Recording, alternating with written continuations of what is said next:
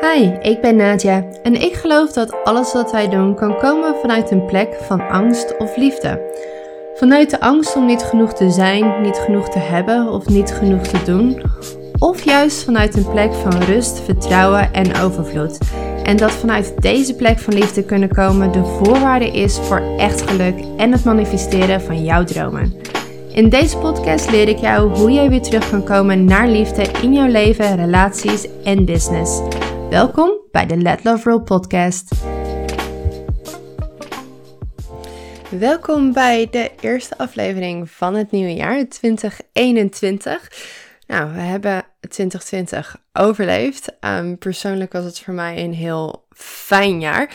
En ik zit zelf nog midden in mijn manifestatieproces, die ik eigenlijk elk jaar doe aan het einde van het jaar en het begin van het nieuwe jaar. En het leek me mooi om jullie hierin mee te nemen. Dus om te beginnen kijk ik eerst altijd naar wat er in het afgelopen jaar gebeurd is. Klinkt heel simpel, alleen daar bewust bij stilstaan is iets wat we vaak niet doen. En op een gegeven moment denken we, waar zijn deze tien jaar gebleven en hoe ben ik hier eigenlijk terechtgekomen? Dus het reflecteren op, goh, wat is er eigenlijk gebeurd? Waar was ik? Hoe voelde ik me? Wat waren de dingen die mij omhoog brachten? Wat waren mijn lessen? Wat waren mijn inzichten? Wat waren mijn dieptepunten? En ook wat hebben die dieptepunten mij gebracht? Voor mij was 2020, nou ja, net zoals voor iedereen, een heel bijzonder jaar. En voor mij was het eigenlijk vooral bijzonder dat ik misschien wel een van mijn beste jaren ooit heb gehad. In heel veel verschillende opzichten. Terwijl tegelijkertijd de wereld in chaos en in crisis was. En ik dat ook heel erg heb gevoeld. Alleen er was zo'n verschil tussen mijn individuele manifestatie en de collectieve manifestatie. En dat is ook waar ik het in deze podcast over wil gaan hebben. Het verschil daartussen en hoe die twee elkaar beïnvloeden. En hoe jij hier ook weer invloed op hebt. Ik ga altijd zitten en ik ga per maand kijken. Waar was ik? Wat was ik aan het doen? Um, hoe voelde ik me? Wat, wat gebeurde er in mijn leven? En um, wat kan ik hiervan leren? Dus voor 2020 was voor mij het jaar van overvloed. In 2019 heb ik uh, veel geld verdiend. Alleen dat wel gedaan door heel hard te werken. Dus ik had mijn impact, ik had mijn omzet. Alleen ik was altijd nou ja, gestrest. Ik zat altijd in niet genoeg tijd, niet genoeg energie. Hoe ga ik dit allemaal doen? En nou ja, kom maar, ik kan het wel, ik ben zo sterk. Gooi me op de hoop en ik werk wel nog harder door. En ik neem dit project aan en dat project aan. En op een gegeven moment en werd het mij duidelijk dat het niet meer ging. En heb ik een wens gemaakt om minder te werken. En een week later was ik zwanger van mijn dochtertje. Dus be careful what you wish for. En ik was de eerste drie maanden echt absurd ziek um, van mijn zwangerschap. Dus ik heb echt gewoon drie maanden in een hoekje naar de muur zitten staren en ik kon niet eens mijn laptop openmaken. En dat was voor mij nodig. Het was echt een gevalletje. Um, het universum geeft je wat je nodig hebt en niet wat je wilt. Ik moest daar zitten en ik moest ervaren dat ik drie maanden lang niet eens mijn laptop kon openen en nog steeds de wereld niet instortte. En nog steeds mijn bedrijf niet failliet ging. En dat de wereld gewoon doorging. En dat al de angsten die ik had daarover eigenlijk niet echt waren. Dat ze een illusie waren. En vanuit die plek ben ik in 2020 in januari ja, ben ik eigenlijk op een hele andere tijdlijn gestapt. Het was echt wat je een quantum shift kan noemen. Ik heb alles wat niet meer in radicale alignment was laten vallen. En dat was, waren producten, dat was minimaal de helft van mijn omzet. Ik heb ze allemaal opzij gezet en gezegd, ik doe alleen nog maar wat voor mij volledig in lijn is. En ik heb in januari mogen ervaren hoe het is om uh, naar een ander land te gaan. Daar, we zijn naar Spanje gegaan uh, en hebben januari in Tarifa doorgebracht. En om parttime te werken, drie, vier uur in de ochtend te werken, de rest van de dag eigenlijk gewoon niks te doen, met mijn familie te zijn. En mijn eerste maand een 60.000 euro omzet gedraaid met een 50.000 euro winst. Dat is nog nooit eerder gebeurd voor mij. En dat heb ik gedaan met zo weinig moeite en zo weinig uren werken en eigenlijk alleen maar doen wat ik echt heel erg leuk vond. En dat was voor mij zo'n gigantische openbaring. Want ik dacht altijd dat je dit soort omzetten alleen kon halen als je heel hard werkte en heel veel mensen aannam en hele hoge kosten had en um, nog efficiënter was en nog meer deed. En eigenlijk het tegenovergestelde daarvan was waar. Alleen het was echt een hele shift in mijn zijn en heel veel oude, ja, oude shit gewoon loslaten. Waardoor ik die oplevel kan maken en echt vanuit die alignment weer verder kon. En zo ben ik eigenlijk heel het jaar verder gegaan. En dit was zo'n enorme gift voor mij. En ik denk dat ik ook moest leren hoe het is om over te werken en te struggelen, zodat ik ook anderen hierin beter kan begrijpen en nu ook kan voelen hoe het is om vanuit overvloed en aantrekkingskracht te werken, zodat ik dit ook weer door kan geven aan de vrouwen in mijn mastermind en in mijn events. Dus ik ben er ook echt heel erg dankbaar voor dat ik eerst nou ja, door die struggle ben gegaan. Dus dat was een van mijn grootste lessen, het, het, ja, het aantrekken, de overvloed, het echt ervaren hoe het is om groots te manifesteren en om te doen wat je echt leuk vindt, de impact te maken, zonder dat je daarvoor hoeft te pushen en hoeft te overwerken. We zijn um, zes maanden in totaal in Spanje gebleven. Uh, de bedoeling was drie maanden, maar we waren toen vast komen te zitten in een lockdown terwijl ik hoogzwanger was. We hebben onze dochter op de wereld gebracht in Spanje, helemaal onverwachts. Um, dus dat was ook wel heel erg mooi. Ik zou eigenlijk in Nederland gaan bevallen. En ik ben uiteindelijk op een berg bevallen. Um, op de Finca met een kleine community. En we hebben een prachtige bevalling gehad waarin uh, Robin, mijn partner, haar aannam. Dus daar ben ik heel blij mee met die manifestatie. Eigenlijk was de lockdown voor ons was een blessing. Tegelijkertijd heb ik wel heel erg alles aangekeken wat er in de wereld gebeurde op verschillende niveaus. En zeker op wereldwijd niveau, op politiek niveau, op um, financieel niveau, het economische niveau en ook het beleid dat werd gevoerd. En ik moest echt het, donkerste van de mensheid aankijken en daardoor heen gaan, om dat vervolgens ook weer op mijn manier te kunnen vertalen. En naar onder andere deze podcast. Ik ben de podcast begonnen waar ik heel veel plezier in heb. Um, en uiteindelijk zijn we na zes maanden met een, eh, nieuw mensje teruggekomen naar Nederland. Daar heb ik mijn eerste event gegeven, um, mijn boekdeal getekend. Dus daar ben ik heel erg blij mee. Mijn eerste ayahuasca ceremonie gedaan, wat ook echt er was echt een before en after aya. En toen vervolgens naar Nieuw-Zeeland gegaan, daar twee weken in quarantaine gezeten. Dus ook uh, geweten hoe het is om echt je vrijheid afgenomen te worden. We zaten echt in zo'n quarantaine-kamp met allemaal leger en militairen en politie. En heel absurd, alsof je een soort met van enorme crimineel bent. Um, ook wel heel erg uitdagend mentaal. Ze hebben dat twee weken gedaan en nu ben ik op de Chatham Islands waar mijn partner vandaan komt. Dus letterlijk aan de andere kant van de wereld. Een klein eilandje ten oosten van Nieuw-Zeeland. Dus dat was mijn jaar in een notendop.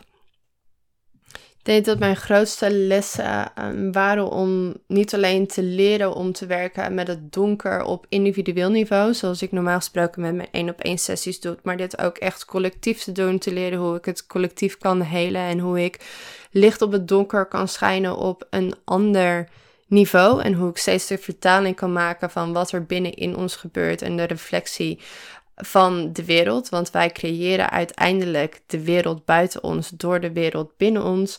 Voor mij was het een les in overvloed, in het loslaten van overwerken, um, echt mijn waarheid durven spreken, dus echt radicaal gaan staan voor wat ik zie, voor wat ik voel en voor wat ik oprecht geloof dat voor het hoogste goed is, ondanks de pushback die ook afgelopen jaar zeker is geweest, ook in twee verschillende kranten die mij um, heel opzettelijk geframed hebben. Ook interessant om te voelen en om mee te maken hoe dat is. En hoe dat voelt en hoe het eigenlijk niks afdoet aan, ja, aan mijn zijn.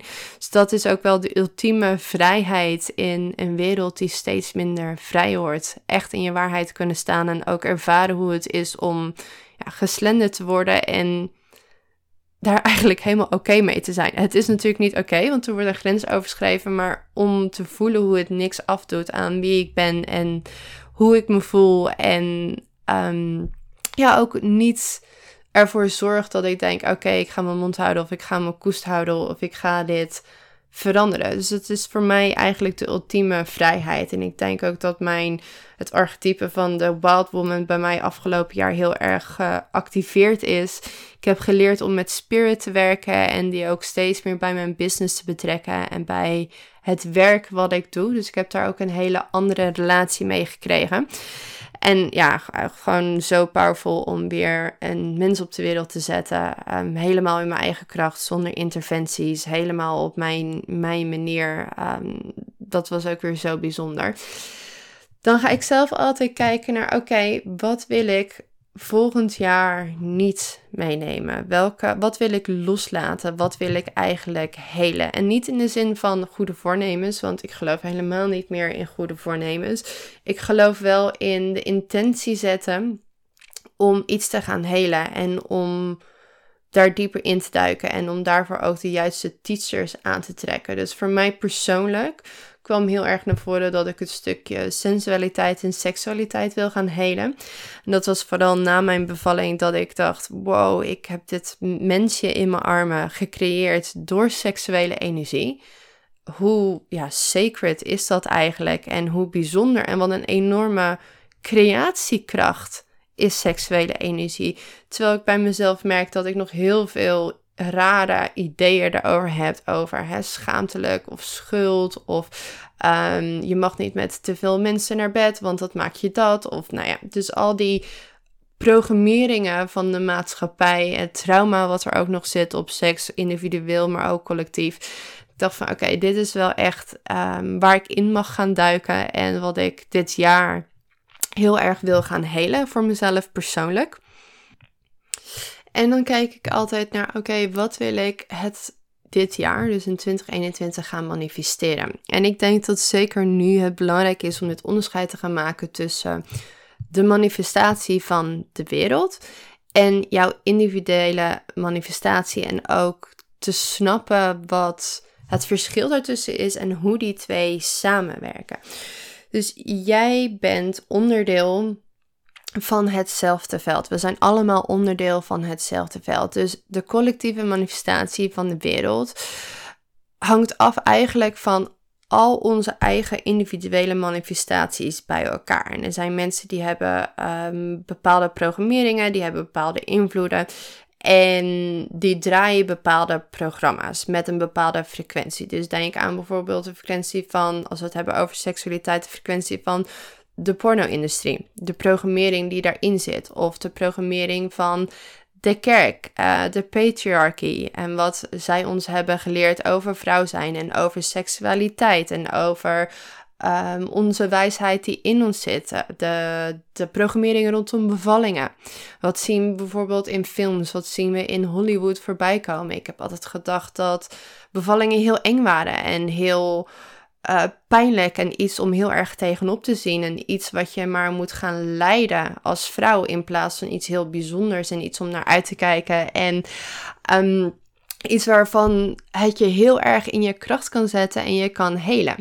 Dus het zijn al die verschillende programmeringen die eigenlijk draaien binnen het collectieve veld.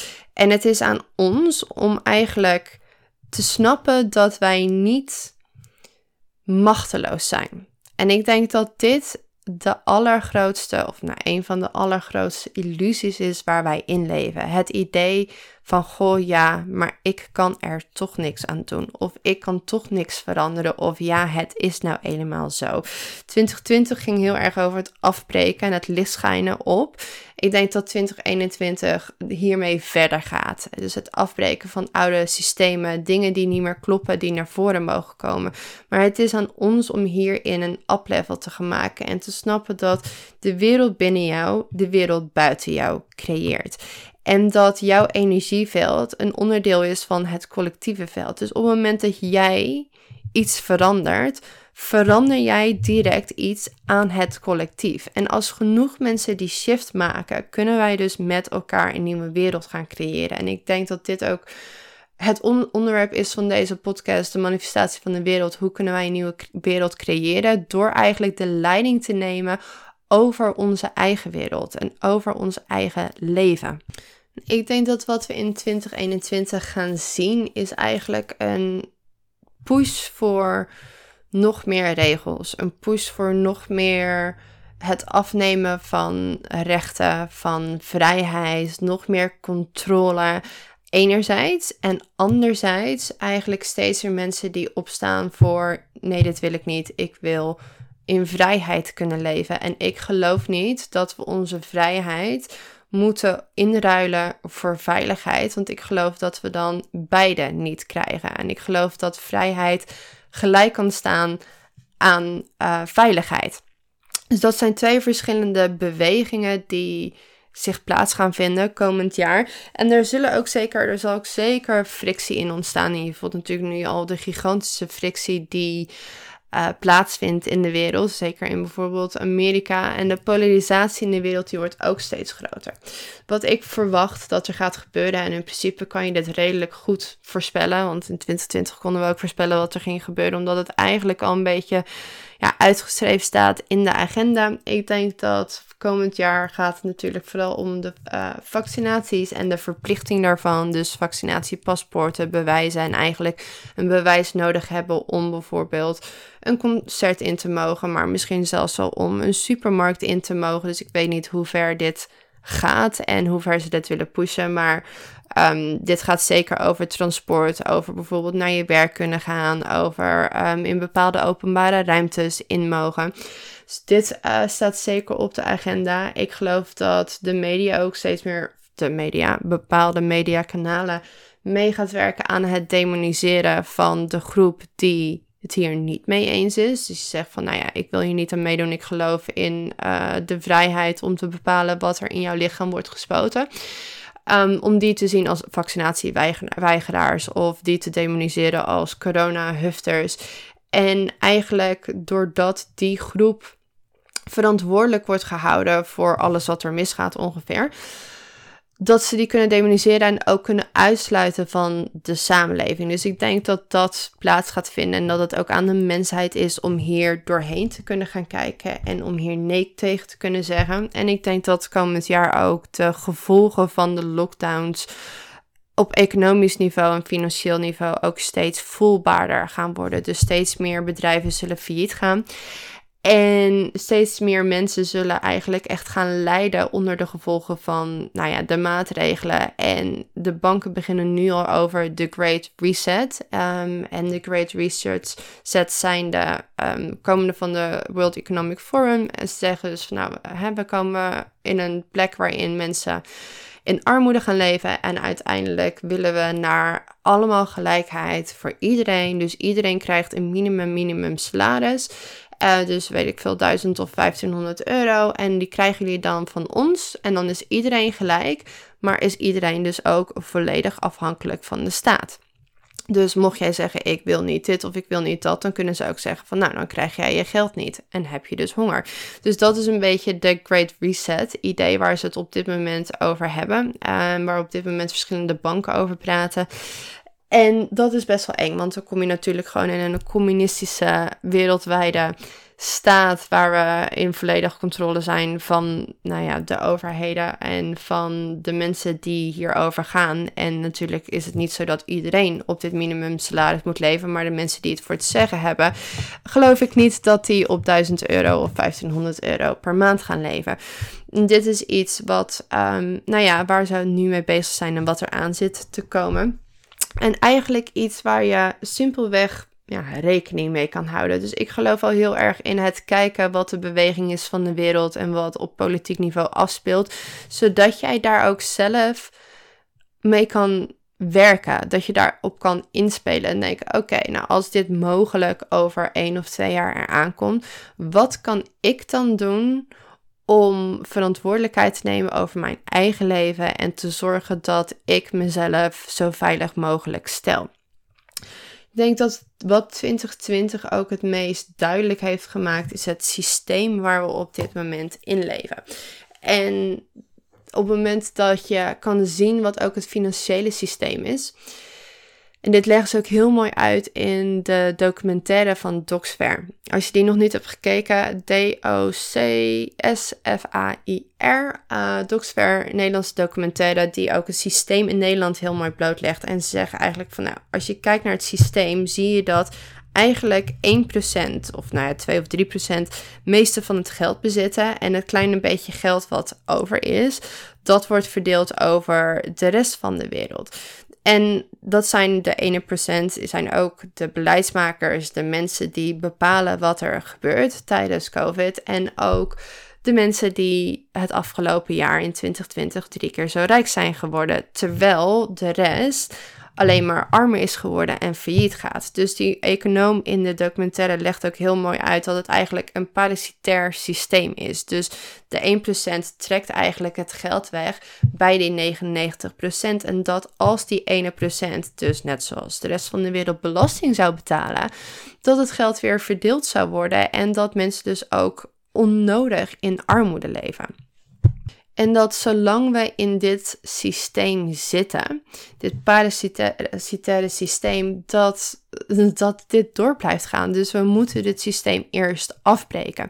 Ik vind het super interessant als je kijkt naar die ene procent versus de 99%.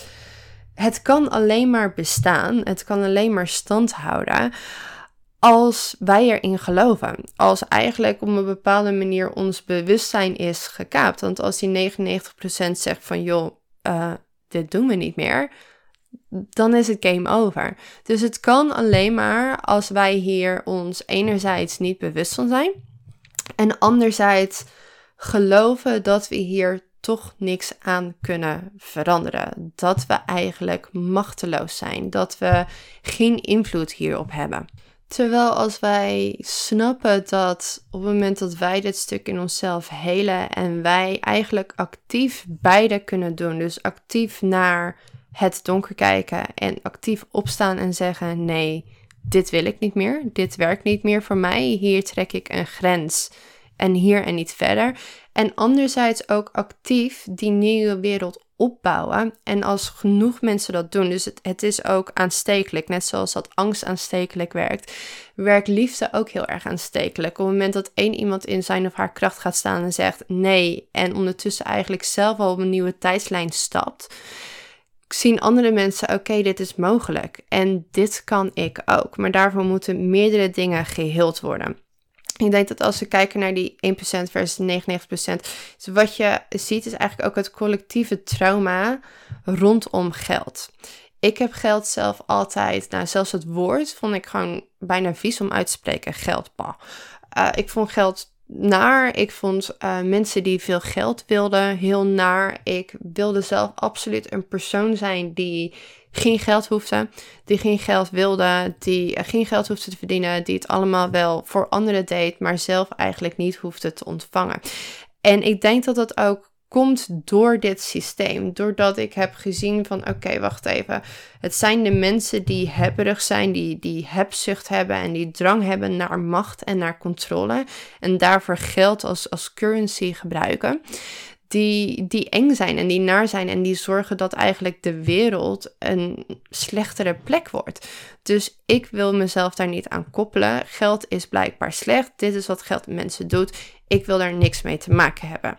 Ondertussen was dat natuurlijk heel frustrerend, want je hebt hoe dan ook geld nodig. Dus het maakt niet uit in welke dimensie je zit en hoe heerlijk leven is we leven nog steeds hier op aarde waar geld onze currency is. Dus om te eten heb je geld nodig, om een dak boven je hoofd te hebben heb je geld nodig. We hebben geld nodig om te leven. Dus ik, ik leefde zelf eigenlijk in die enorme frustratie dat ik mezelf afhankelijk voelde van geld, want ik had het nou eenmaal nodig. Maar aan de andere kant ook geen geld wilde hebben, want ik voelde de, de donkere kant daarvan en ik wilde daar niet in. Ik denk dat het belangrijk is dat wij gaan zien dat geld niet slecht is. Dat geld eigenlijk gewoon maar een energie is. Dat geld eigenlijk gewoon maar een ruilmiddel is. En als je kijkt naar geld, we, we hebben eigenlijk niet eens heel veel contant geld meer. Geld zijn eigenlijk vooral cijfertjes digitaal op je bankrekening. het is letterlijk lucht, het is letterlijk energie. Alleen geld werkt wel als een magnetizer, het werkt als een vergroter. Dus op het moment dat jij veel geld hebt, heb je ook meer macht. Want je hebt eigenlijk meer, ja, meer mogelijkheden om dingen te doen. En dat kan je gebruiken om de wereld slechter te maken. Maar je kan het ook gebruiken om de wereld beter te maken en om de wereld mooier te maken. Dus op het moment dat een goed persoon veel geld verdient, kan die persoon dat ook gebruiken om nog meer goed te doen in de wereld. Om nog meer gelijkheid te creëren, om nog meer gezonde systemen te creëren, om nog meer awareness te creëren, om nog meer stukken te helen die geheeld moeten worden. Als een slecht persoon veel geld krijgt, zal die persoon het gebruiken om eigenlijk nog meer geld te willen voor zichzelf en nog meer macht te krijgen en nog meer controle te krijgen. En als je er op die manier ernaar kijkt en ziet hoe het de verdeling is van geld, wat niet klopt. Dus het is niet dat er niet genoeg geld is of dat er niet genoeg is voor iedereen, maar dat het systeem narcistisch is en parasitair is, dan is het eigenlijk ook zaak om te gaan zien dat bij de, de mensen met de goede intenties meer geld mogen gaan verdienen. Dat die gelijkheid eigenlijk meer mag gaan ontstaan en dat we daar niet vies van hoeven te zijn. En dat het eigenlijk juist nu zo belangrijk is om financiële verantwoordelijkheid te nemen en om echt vol in jouw eigen money mindset te duiken en te, te voelen in je kern hoe belangrijk het is dat jij jezelf daarin veilig stelt en een overvloed mag ontvangen. Ook omdat je daarmee de wereld eigenlijk beter kan maken. En dit is waarom ik ook zelf zoveel passie heb voor mijn mastermind is omdat ik weet dat dit zijn allemaal vrouwen die of healers zijn of teachers zijn of iets moois en iets sustainables en iets goeds in de wereld willen zetten. Om ze te leren dat ze daarmee ook echt veel mogen ontvangen zonder dat ze daarvoor hoeven te overwerken, zodat ze steeds meer aan de wereld kunnen gaan geven. En dat dat ook mag op een andere manier. We hebben altijd geleerd dat het eigenlijk een beetje een win-lose situatie is. En dat is het oude paradigma. Dus als jij wint, dan verliest aan de andere kant iemand anders. En dat we een nieuwe manier van werken mogen aannemen, waar we altijd, en dat is echt mijn regel voor mezelf, voor mijn business, maar ook echt wat ik leer in mijn mastermind, een win-win-win situatie gaan creëren. Een situatie waarin eigenlijk iedereen wint. Want op het moment dat één iemand verliest, dan verliest iedereen. Als ik iemand zou aannemen en die zou hier niet bij gebaat zijn, of als ik iemand bijvoorbeeld in mijn mastermind zou, zou aannemen en ik weet dat diegene daar niet alles uit kan halen, dan is diegene niet blij. Maar dan ben ik toch ook niet blij. Het, het, het werkt niet als er mensen aan de andere kant verliezen. Dus mijn filter is altijd: is het in het hoogste goed voor de wereld, voor mezelf en voor de andere persoon? Is het een nee op een van die punten, dan is het voor mij een nee. En dat we ook echt die win-win-win situaties kunnen creëren. Want ik geloof dat op het moment dat je komt vanuit liefde, heb je altijd een win-win. Op het moment dat je komt vanuit angst, heb je altijd ergens waar iets of iemand verliest. En op het moment dat je die win-win kan creëren, dan ga je ook een positieve uh, cirkel creëren waarin jij meer kan ontvangen, waardoor je dus meer kan geven. En waardoor je meer kan geven, kan je dus ook meer ontvangen. En nou ja, vice versa. Dus dat is iets, het is een cirkel die steeds meer positiviteit creëert en ook steeds groter kan worden en de impact daarvan ook steeds groter kan worden.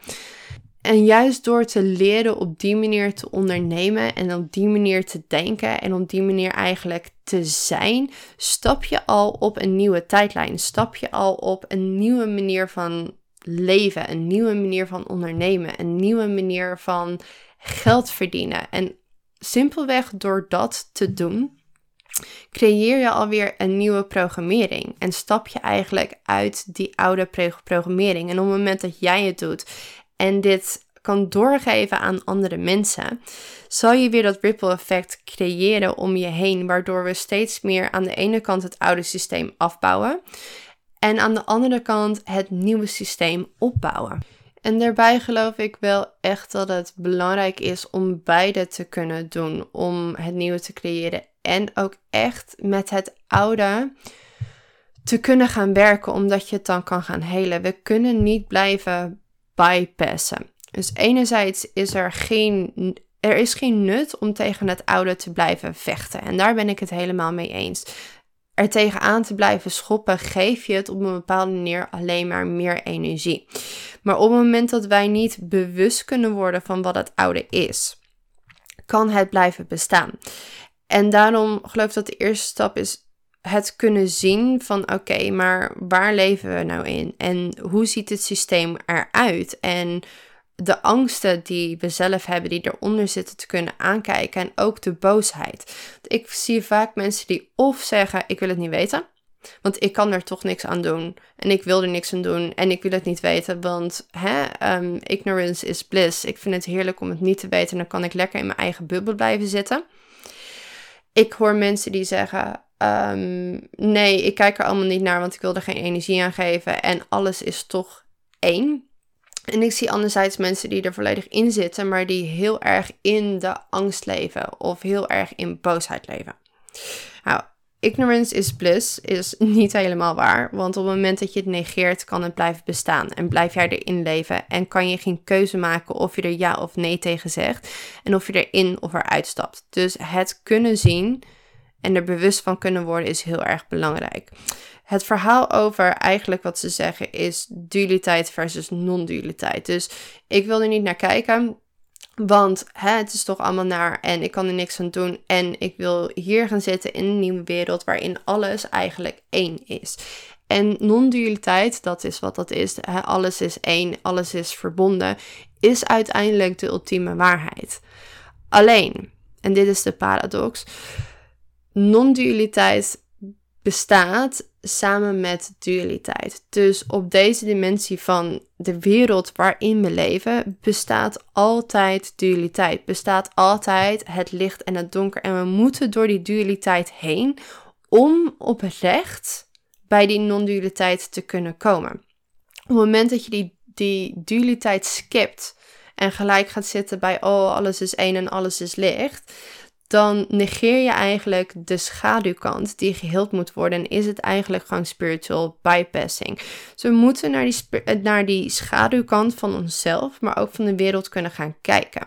En dan zeggen veel mensen van, maar waarom zou ik dit willen weten? Want hè, dan zit ik in de angst of dan zit ik in de boosheid. En die mensen zie je dus inderdaad ook die heel boos zijn of die heel um, schreeuwerig uh, vertellen: nee, kijk uit, dit moet je niet doen, dat mag je niet doen, want iedereen die, die, die is gevaarlijk en die wil je pakken en het is allemaal eng en iedereen is tegen je. En dit zijn de mensen die um, ook makkelijk kunnen worden gelabeld als complotgek is. Dit zijn ook vaak de mensen die ze graag in de krant willen zetten.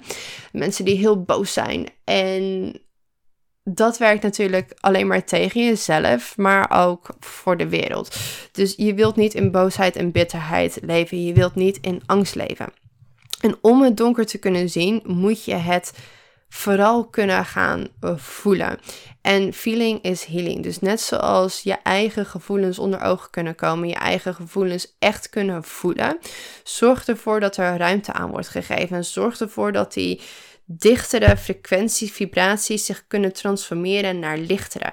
Maar zo kan je dat ook doen voor het collectief. Dus je kan ook voelen wat er in de wereld gebeurt en daar het verdriet van voelen en daar de pijn van voelen. Ik heb een fantastisch jaar gehad, persoonlijk 2020, maar ik heb gigantisch hard gehuild. Ik heb zoveel woede gevoeld. Ik heb urenlang over een, een berg in Spanje gelopen met mijn dikke zwangere buik om gewoon de woede te doorvoelen en, en van me af te kunnen laten glijden. Ik heb het allemaal gevoeld. En ik hoefde het niet te voelen, want ik kon ook gewoon gezellig in mijn bubbel blijven zitten. In mijn heerlijke leventje op, op de prachtige finca, waarin er helemaal niks aan de hand was. Maar op het moment dat ik er niet naar kijk, Negeer ik het, kan ik het laten blijven bestaan en neem ik niet mijn verantwoordelijkheid en neem ik niet mijn aandeel om bij te dragen aan een nieuwe, betere wereld. Dus op het moment dat je het kan voelen en het echt kan laten zijn en door je heen kan laten gaan, kan je ook de informatie die het bevat voelen. Dus hè, verdriet is een, is een medicijn die zegt: Dit is een purpose. Hieraan wil ik wat gaan doen. Hier wil ik verandering in aanbrengen. Woede bevat de informatie: Hey, dit is een grens. En deze grens wordt overschreden. En tot hier en niet verder. En op het moment dat je dit kan voelen en eruit kan laten, door te huilen, door het verdriet te voelen, maar ook door je boosheid te voelen en door met stenen te gooien. Ik heb echt met stenen van de berg afgegooid. En wat je ook moet doen, kan je dit gebruiken op een gegeven moment, dan transformeert het naar schone brandstof. En dit kan je gebruiken als fuel om verandering in aan te brengen. En om eigenlijk, en dit is wat ik geloof dat wij mogen gaan doen in 2021, op gaan staan en zeggen: hey, tot hier en niet verder. En om actief nee te gaan zeggen tegen wat wij niet willen. En ik zie heel veel mensen die, waarvan ik gewoon weet. Oké, jullie zijn tegen wat er nu gebeurt. Jullie zien de manipulatie. Jullie zien, hè, dit is voor mij een grens. En ik wil niet dat er overheen wordt gegaan. Maar ik wil tegelijkertijd ook niet actief nee er tegen zeggen. Want ik wil niet actief ergens voor gaan staan uit angst dat ik dan anders gelabeld word. Of dat iemand hier boos om wordt. Of dat iemand het hier niet mee eens is. En ik denk dat wij die luxe van die comfortabele positie ook niet meer hebben. Omdat het eigenlijk ook een beetje kiezen is tussen hoe de toekomst van onze kinderen eruit gaat zien en comfortabel kunnen zijn en eigenlijk niet jouw stem of platform gebruiken om te zeggen: hey, dit is wat ik zie en ik ben hier niet oké mee en ik zeg hier actief nee tegen. Want totdat wij zeggen: hey, tot hier en niet verder, zal dit ook gewoon door blijven gaan. En dit gaat ook weer over ons eigen werk om om te kunnen gaan met shaming, met framing, met labeling, met mensen die ons misschien dan niet meer aardig vinden of niet meer lief vinden of boos op ons worden of er wat van vinden. En weten dat het oké is als we het niet met elkaar eens zijn. Zolang er geen grenzen overschreden worden, zolang we respect hebben voor elkaar, denk ik dat het heel goed is dat mensen die een andere visie hebben met elkaar in gesprek gaan. En op het moment dat andere mensen jou vervolgens gaan shamen en labelen, is dat precies dat disrespect, is dat precies die grens. Dus het leren om om te gaan met de angst niet meer bij de tribe te horen. Want het is natuurlijk echt een, een aangeboren doodsangst die wij hebben. Vroeger, als je niet meer bij de tribe hoorde, dan overleefde je niet. Dus wij hebben een hele sterke neiging om erbij te willen horen. Om aardig te, gevonden te willen worden door iedereen. En iets wat zeker afgelopen jaar en dit jaar heel erg geheeld mag gaan worden. Want op het moment dat jij iedereen wil pleasen dan verloochel je altijd jezelf. Dus dit is echt het jaar om in jouw waarheid te gaan staan, in jouw waarheid te kunnen gaan spreken, in jouw waarheid te kunnen gaan leven, ondanks dat mensen die daar niet klaar voor zijn een oordeel daarover hebben en dat ze dat oordeel ook mogen hebben. Eigenlijk de manipulatie die nu plaatsvindt en wat ik dus heel vaak zie is eigenlijk dat er complottheorie op corruptie wordt geplakt.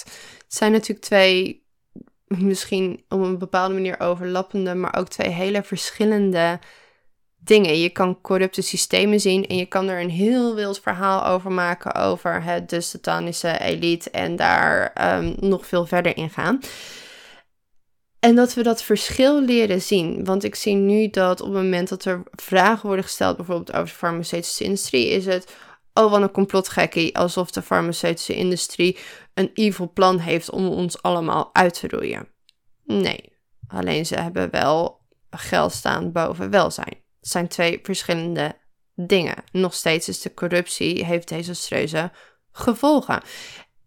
En eigenlijk wat ik zie is het niet willen zien van de schaduwkant, het niet willen zien van het donker van de systemen waar we in leven, het niet willen zien van corruptie, omdat je graag wilt dat de wereld veilig is en dat de instanties die je graag wilt vertrouwen, dat je die kan vertrouwen, is het heel makkelijk om daar gewoon complottheorie op te plakken. Dus dat we leren om het onderscheid te maken. Want eigenlijk waarin we leven is ook gewoon een informatieoorlog.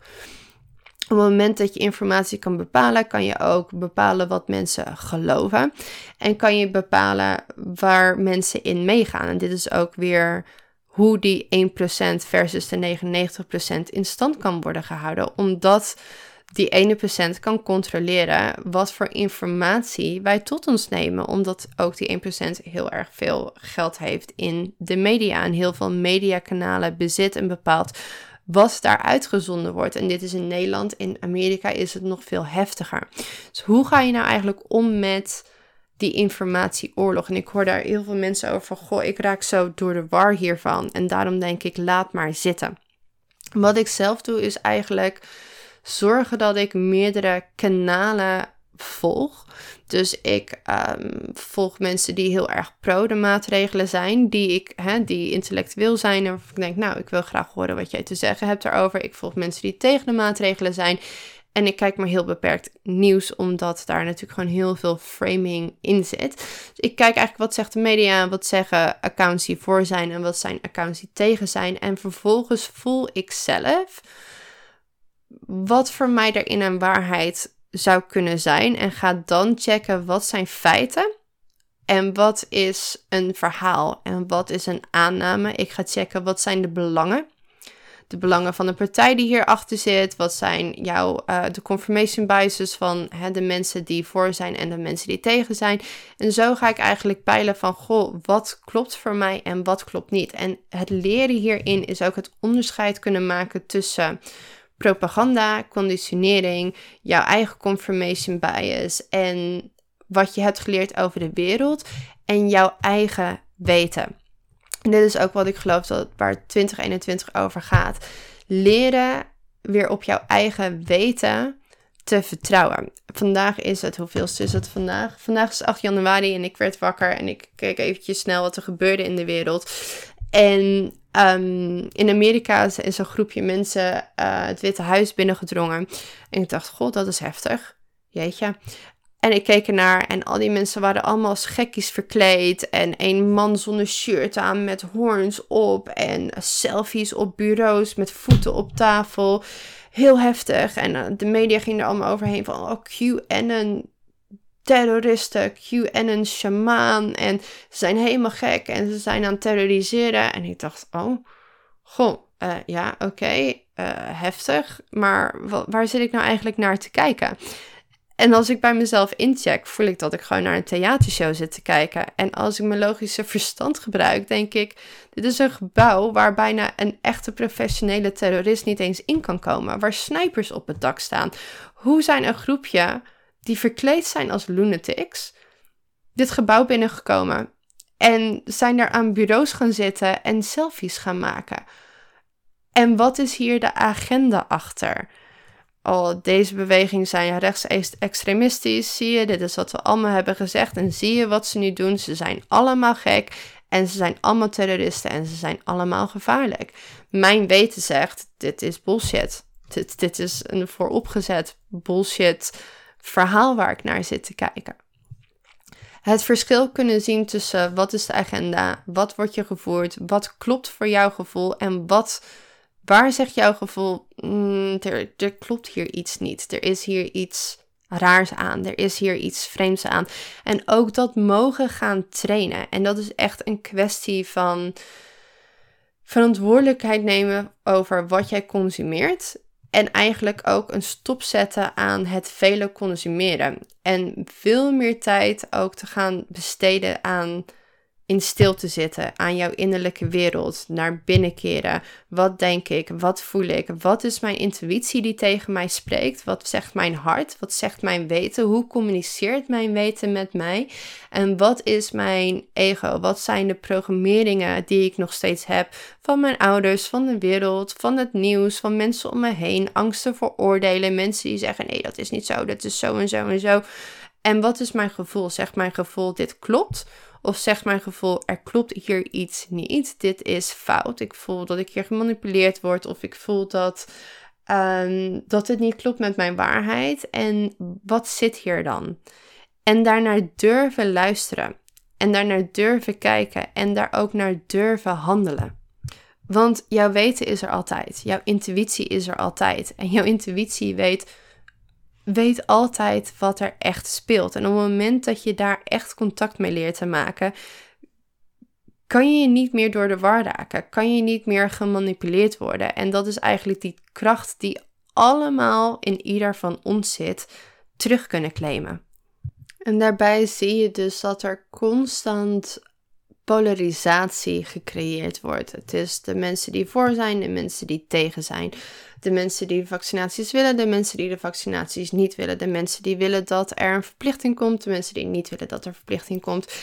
En die twee partijen worden constant tegen elkaar opgezet. En de polarisatie is eigenlijk groter dan ooit. En als je teruggaat naar de Docsfair documentaire, waarin die econoom heel mooi uitlegt hoe het financiële systeem in de wereld op dit moment in elkaar zit, zegt hij ook: dit systeem in historie, als je terugkijkt, is er altijd een beweging. Er is altijd een golfbeweging naar meer vrijheid, meer autonomie, meer um, ja, eigenlijk kracht naar mensen toe.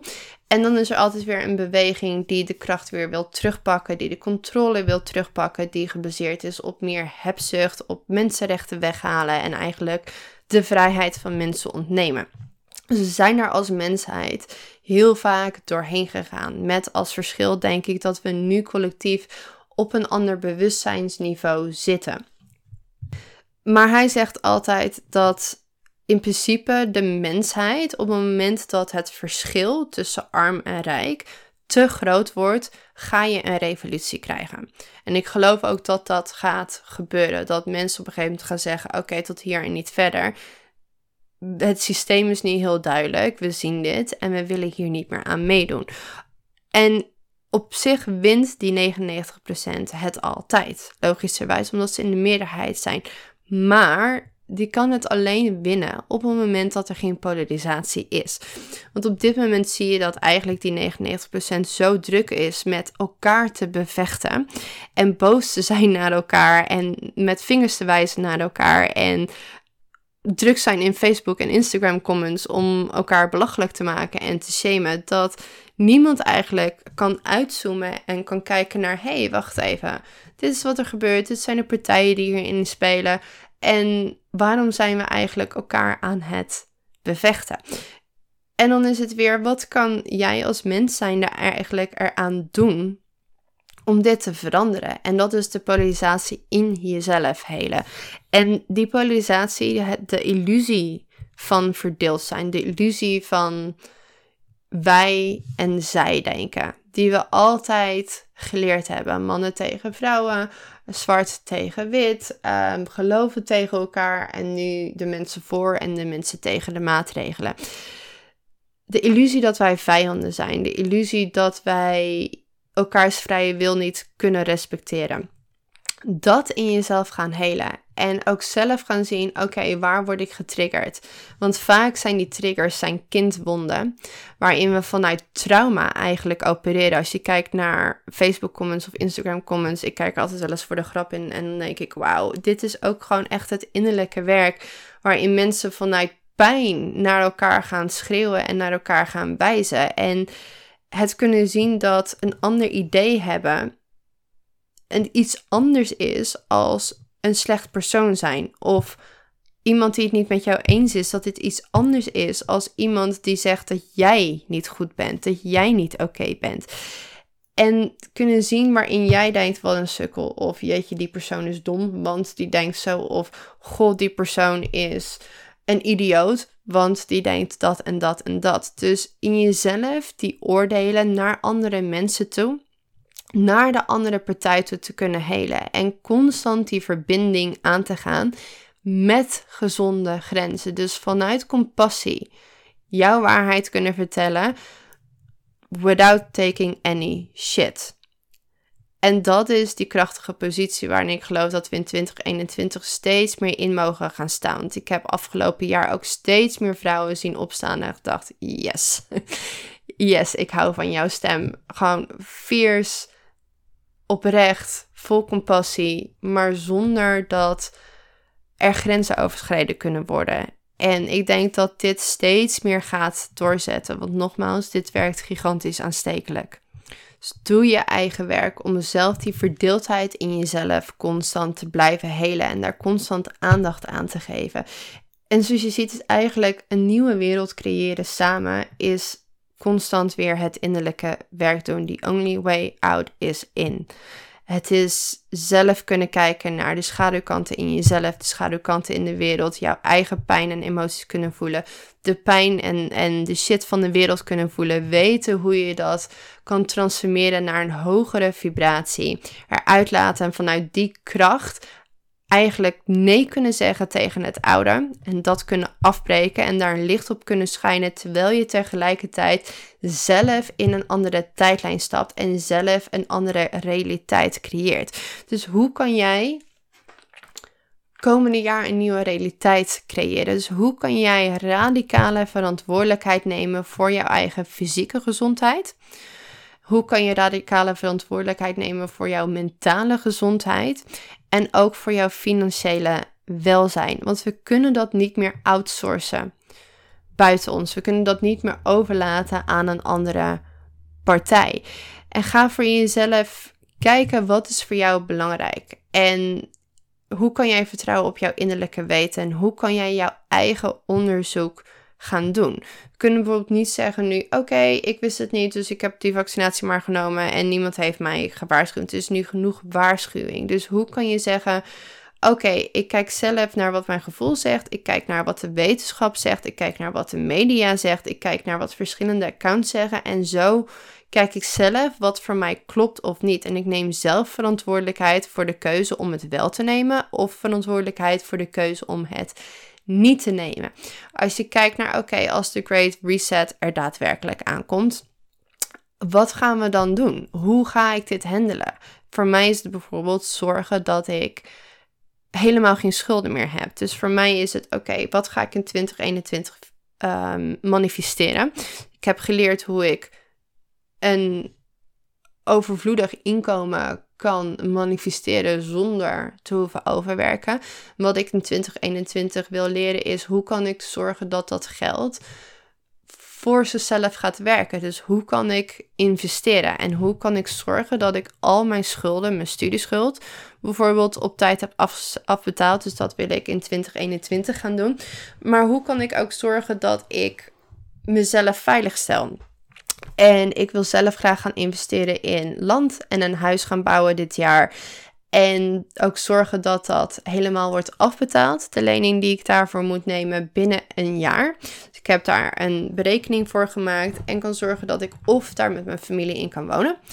Um, op het moment dat we op die plek zijn en dat dat dus kosteloos kan, zonder dat ik huur hoef te betalen, zonder dat ik daarmee hoef te zitten en dat ik ook bijvoorbeeld solar power neem. Um, dus dat ik niet met die kosten zit, dat ik ook bijvoorbeeld zorg dat ik een groentetuin uh, ga, ga planten, dat ik aardappelen en, en fruitbomen nu al ga planten, dat ik weet dat mocht er ooit een situatie komen dat ik op dit eiland ben en het vliegtuig gaat bijvoorbeeld niet, want lockdown of want weet ik veel wat er gebeurt, dat ik gewoon altijd genoeg te eten heb.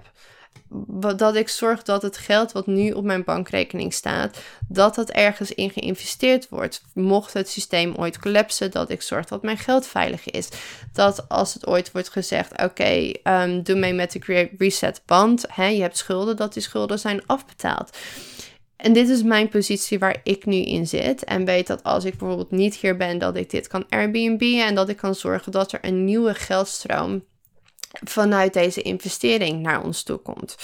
Dus zo creëer ik in mijn geval weer die win-win-win. Het kan ook zijn dat je zegt van goh, wat vind ik echt belangrijk. En misschien is dat je huis verkopen en de winst pakken en in de natuur gaan wonen we hebben allemaal keuzes die we moeten gaan maken en waarin we moeten gaan kijken wat wil ik voor mezelf? Wat is mijn nieuwe systeem die ik wil creëren? Misschien is het homeschooling, misschien is het je aansluiten bij een nieuw soort schoolsysteem die je liever wilt zien, misschien is het een andere manier van werken. Hoe kan je verantwoordelijkheid nemen over jouw eigen inkomen, jouw eigen welzijn? Wat kan je doen om jezelf nog gezonder te maken, proactief. Meer te gaan sporten, te gaan detoxen. Ehm, wat zegt jouw lichaam? Wat heb je nu nog nodig? Hoe kan je zorgen dat je door de angst en de boosheid werkt en eigenlijk vanuit alignment en vanuit rust en vanuit vertrouwen weer verder kan gaan manifesteren? Want ja, we leven in een rare tijd en we leven in een gigantisch chaotische tijd, maar chaos is nodig voor verandering. En natuurlijk ben ik ook wel eens bang. Natuurlijk denk ik ook wel eens: holy shit, wat gaat er nu weer gebeuren? Maar ik kan altijd weer terugkomen naar het vertrouwen. Het vertrouwen op mijn weten, het vertrouwen op mijn intuïtie en het vertrouwen dat we precies zijn als mensheid waar we moeten zijn. En het vertrouwen dat mijn innerlijke wereld, mijn buitenwereld, de wereld buiten mij weer vormt. Het vertrouwen dat ik er invloed op heb en het vertrouwen dat mijn manifestatie weer bijdraagt aan de collectieve manifestatie. En dat we zo de manifestatie van de wereld absoluut kunnen beïnvloeden. Dus nogmaals, de illusie dat jij machteloos bent, de illusie dat je toch niks kan doen en dat jouw stem toch geen verschil maakt, is een illusie. En het is precies de illusie die zorgt dat we dit systeem in stand kunnen houden. Hoe ik wil gaan bijdragen aan een nieuwe wereld is sowieso mijn eigen innerlijke werk blijven doen. Uh, het stukje rondom seksualiteit steeds verder gaan helen, waar ik al mee bezig ben en zeker nog een podcast over zal doen. Um, financiële vrijheid wil gaan manifesteren. Uh, mijn boek zal uitkomen in waarschijnlijk september. Dus dat is voor mij een grote om bij te dragen aan bewustzijn, bij te dragen aan heling en bij te dragen aan vooral innerlijke vrijheid en de shift van angst, angst naar liefde. Wat ik achter me wil laten is mijn, um, ja, toch wel een beetje een pijn die wringt dat, ondanks dat het een luxe positie is, dat ik bijna altijd een wachtlijst heb voor mijn één op één sessies. Ik toch maar een beperkt aantal één op één sessies kan doen. Dus mijn intentie is ook om dit jaar samen met het boek echt vol nieuw leven te blazen in mijn online course. En dat nog mooier te maken, nog beter te maken en nog uitgebreider te maken. Zodat ik daar weer vol voor kan gaan staan vanuit die alignment. Want op dit moment voelt het niet helemaal in lijn. En dat is ook waarom ik het afgelopen jaar eigenlijk heb laten liggen. Mijn intentie is om dit jaar op te pakken, omdat nou, nogmaals, the only way out is in. En dit innerlijke werk is belangrijker dan ooit. En mijn mijn grootste bijdrage zal altijd mijn mastermind zijn. Want uiteindelijk is het voor mij het, het grootste ripple effect creëren om de healers en de mensen die het verschil maken echt in hun kracht te kunnen zetten, echt vanuit alignment te kunnen laten werken en ook te zorgen dat zij kunnen ontvangen, zodat zij weer die impact kunnen maken. In plaats van dat ik probeer in mijn eentje de wereld beter te maken. En het is gewoon mijn allerlievelingswerk, eerlijk gezegd, want het gaat zoveel meer om je zijn veranderen. En die uplevel te maken vanuit je zijn en vanuit je energie in plaats van meer te doen of harder te werken. En echt die nieuwe manier van werken. En dat is voor mij zo'n bijdrage aan een nieuw paradigma, aan een nieuw systeem. En um, deze mastermind zal, even kijken hoor, in februari zal de eerste weer van start gaan. Dus ik neem deze maand calls aan en tweede gaat altijd in september. Uh, neem ik de calls aan en gaat in oktober van start. Dus dat zal ik ook dit jaar weer gaan doen. Um, en dat zullen mijn punten zijn: het boek, de online course, mijn uh, een paar één op één sessies en natuurlijk mijn mastermind. En de podcast zal ik zeker doorzetten. En ik ben ook van plan om daar meer gasten op uit te nodigen. Um, en daar nog meer aandacht aan te besteden, omdat ik gewoon gigantisch veel plezier heb in deze podcast. Willen jullie mij helpen deze podcast te verspreiden? Helpt het gigantisch om een review achter te laten of deze podcast te delen op je Insta Stories, zodat we deze boodschap weer verder kunnen verspreiden. En ik hoop hiermee wat helderheid te hebben gegeven over dit jaar en over wat jij kan doen en wat jij kan bijdragen voor een nieuwe wereld.